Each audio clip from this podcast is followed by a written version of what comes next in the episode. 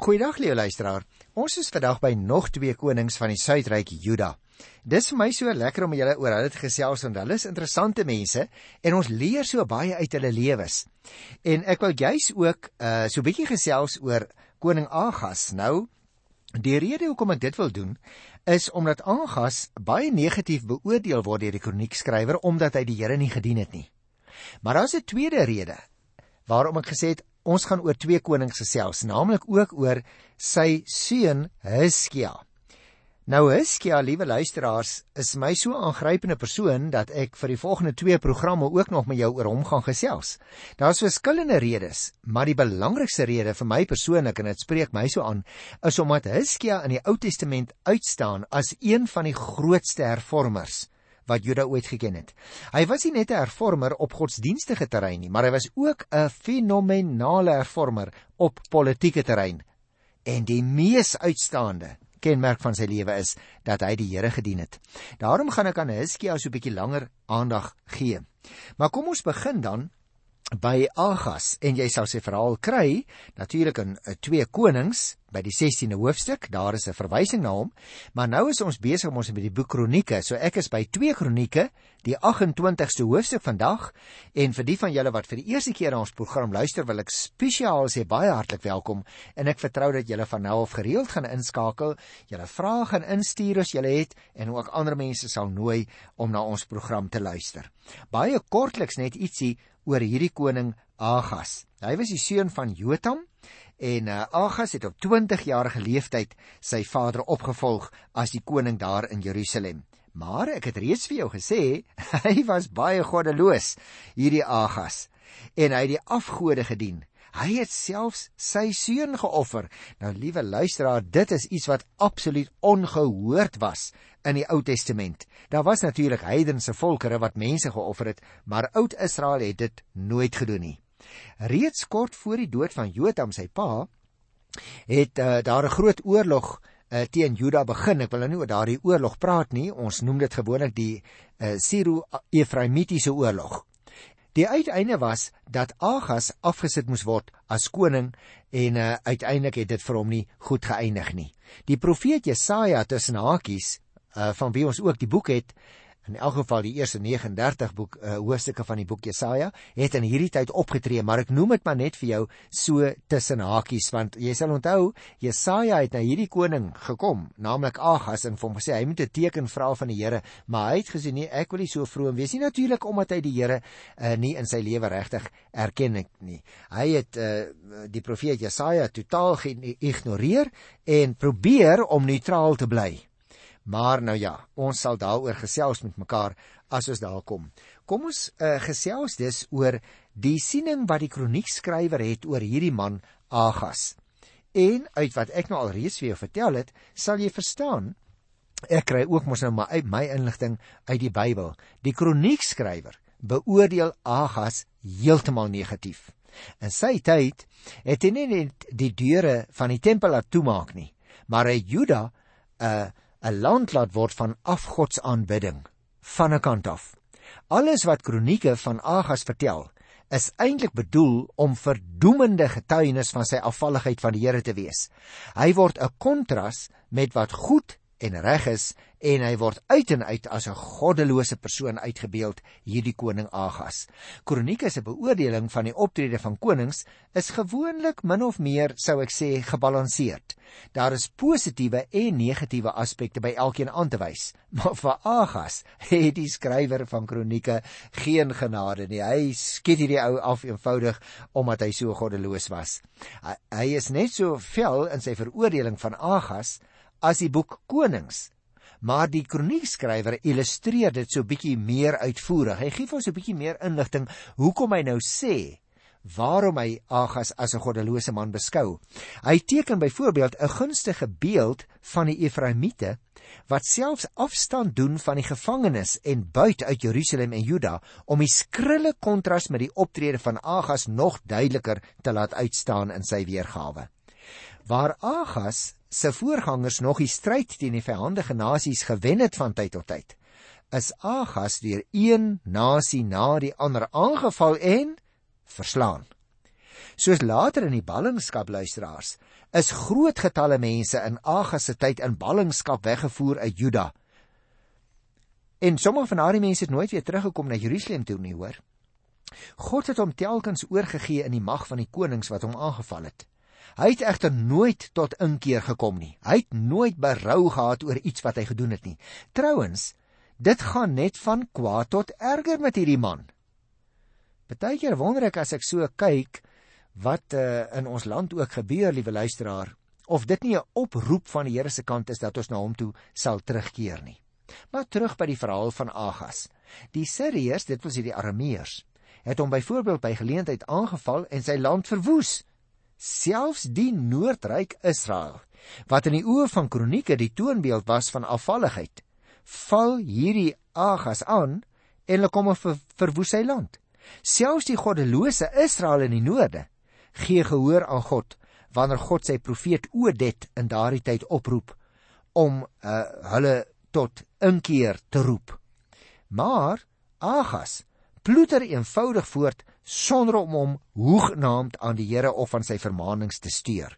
Hy is horende doof, hy is siende blind. Hy oortref selfs die goddelose broervolk Israel in die noorde in sy afvalligheid van die Here. En daarom dink ek, liewe luisteraar, is hierdie hoofstuk by 2 Kronieke 28 oor Agas vir jou 'n oproep om ons terug te roep na die Here vir jou en vir my as ons afdwaal en ontrou is aan die Here. Die Here kan ook oordeel oor 'n mens bring as jy hom nie dien nie. Hierdie hoofstuk leer dit vir ons baie duidelik. Luister byvoorbeeld na die eerste vers. Agas was 20 toe hy koning geword het. Hy het 16 jaar in Jerusalem geregeer. Hy het nie gedoen wat reg is in die oë van die Here soos sy voorvader Dawid nie. Nou moet ons nie dink dat Dawid sy pa was nie, hoor. Dit is nou al 2-300 jaar na koning Dawid. Hoekom vermeld die kroniekskrywer dan hier vir Dawid? Omdat jy moet onthou Die maatstaf van die kroniekskrywer is basies die trou aan die beloftes wat die Here vir Dawid gegee het. En daarom beoordeel die kroniekskrywer elke koning aan die vraag: dien hy die Here of dien hy nie die Here nie? Kom ons kyk byvoorbeeld hier vers 2 tot 4. Hy het die pad geloop van die konings van Israel daar in die noorde. Hy het selfs beelde van die Baals laat giet. Hy het in die Ben Hinnomdal offerandes gebring en van sy kinders daar verbrand volgens die afskuwelike gebruike van die heidene nasies wat deur die Here vir die Israeliete uitverdryf is.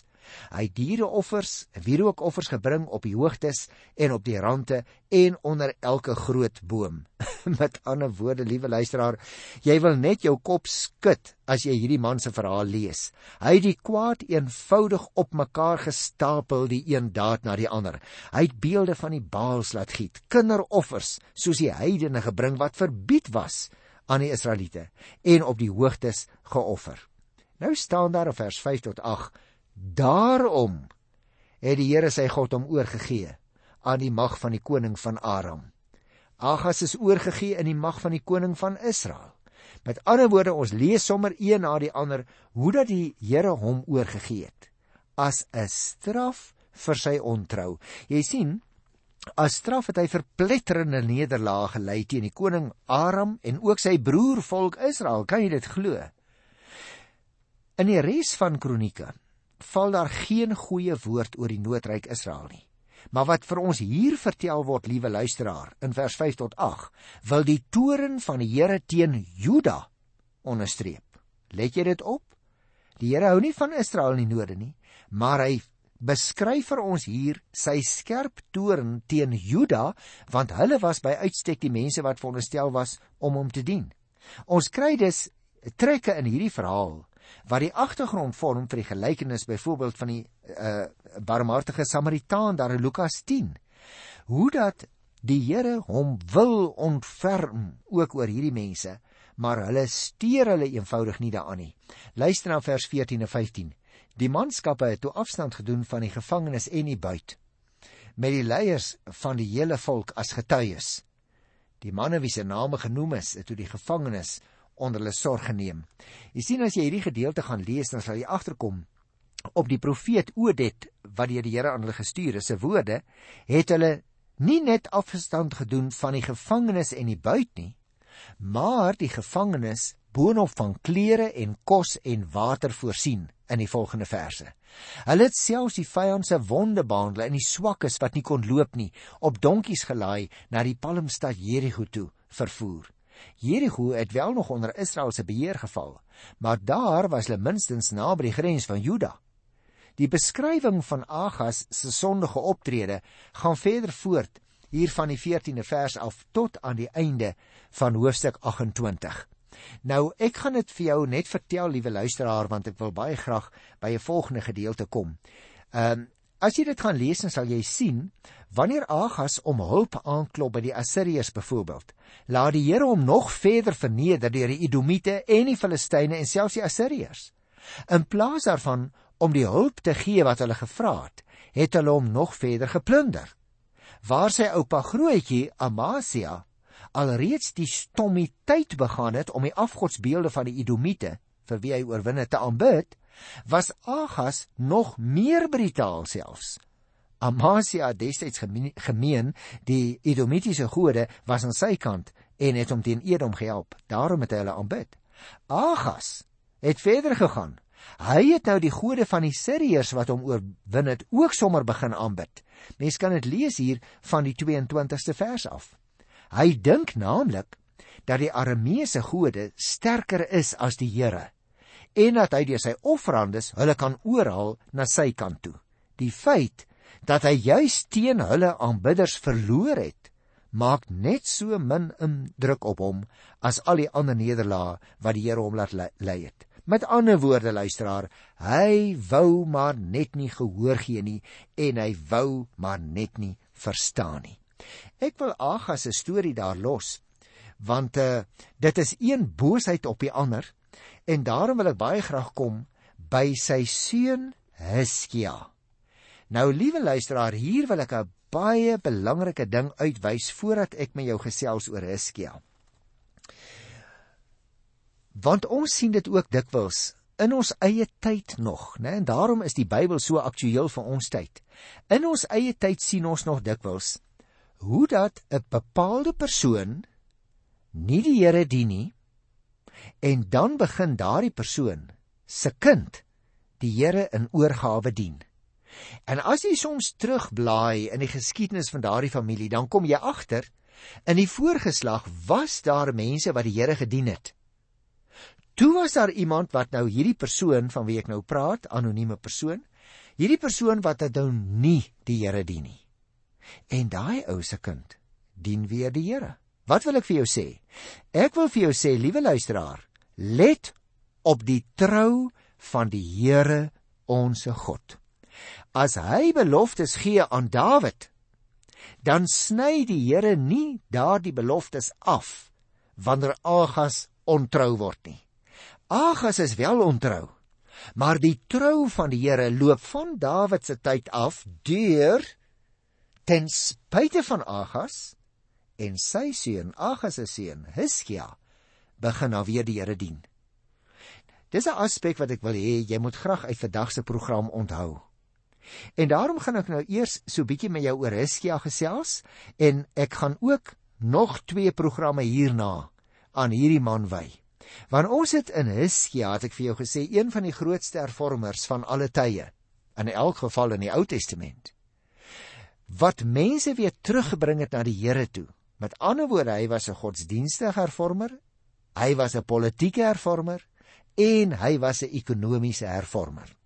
Hy was dus iemand wat sy hele lewe lank anders as sy pa Agas, wat nooit die Here gedien het nie, het Hiskia die Here gedien sy hele lewe lank. En luisteraars, se mens kan geweldig baie oor hierdie man Hiskia gesels. Ons kan ongelukkig ons kan ons nou nie hele klomp program aan hom afstaan nie. Net so 'n paar dinge uitwys. Miskien moet ek begin deur 'n historiese punt. Jy was dalk ook al in Jerusalem en daar het jy dalk uh, onder leiding van die gids so oomblikie aan die buitekant van die ou stadsmuur stil gestaan en vir jou het die ouens vir jou gesê hier is die Gion fontein. En dan het hulle ook vir jou vertel, daar van die Gionfontein af het Hiskia 'n tonnel ondergronds laat grawe na die binnekant van ou Jerusalem. En daar het hy dan 'n skag laat maak sodat mense met emmers en 'n tou water uit die skag kon put. Water wat van die Gionfontein aan die buitekant van die stad gekom het. Nou daardie skag, liewe luisteraar, bestaan vandag nog. Jy kan vandag selfs om die waarheid te sê, deur die tonnel loop, die sogenaamde Siloam tonnel wat in koning Hiskia se tyd gebou is. Was 'n geweldige beroemde bouwerk in daardie tyd tot in ons tyd. Ehm um, dit is van twee kante af gegrawe, van die fontein se kant af en van die skag se kant af in 'n S-vorm. Dit bly vandag vir ons nog steeds 'n vraag hoe die ingenieurs van destyds geweet het hoe om te grawe. Die heel waarskynlik was dit dat hulle miskien die uh, krake in die kalksteenrots gevolg het waar daar soms water deur gesyfer het sodat hulle kon agterkom om die rigting te hou in die rigting van die fontein. Maar dan steeds uh bly dit 'n uh, uh ingenieurswonderwerk in daardie tyd. Nou dit is hierdie beroemde koning Hiskia in sy tyd as ek jou net een ander ding mag noem in sy tyd is daar ook 'n baie baie bekende dam gegrawe by die beroemde ou plek Gibeon uh daar in die Bybel. Jy onthou Joshua 10 vers 12?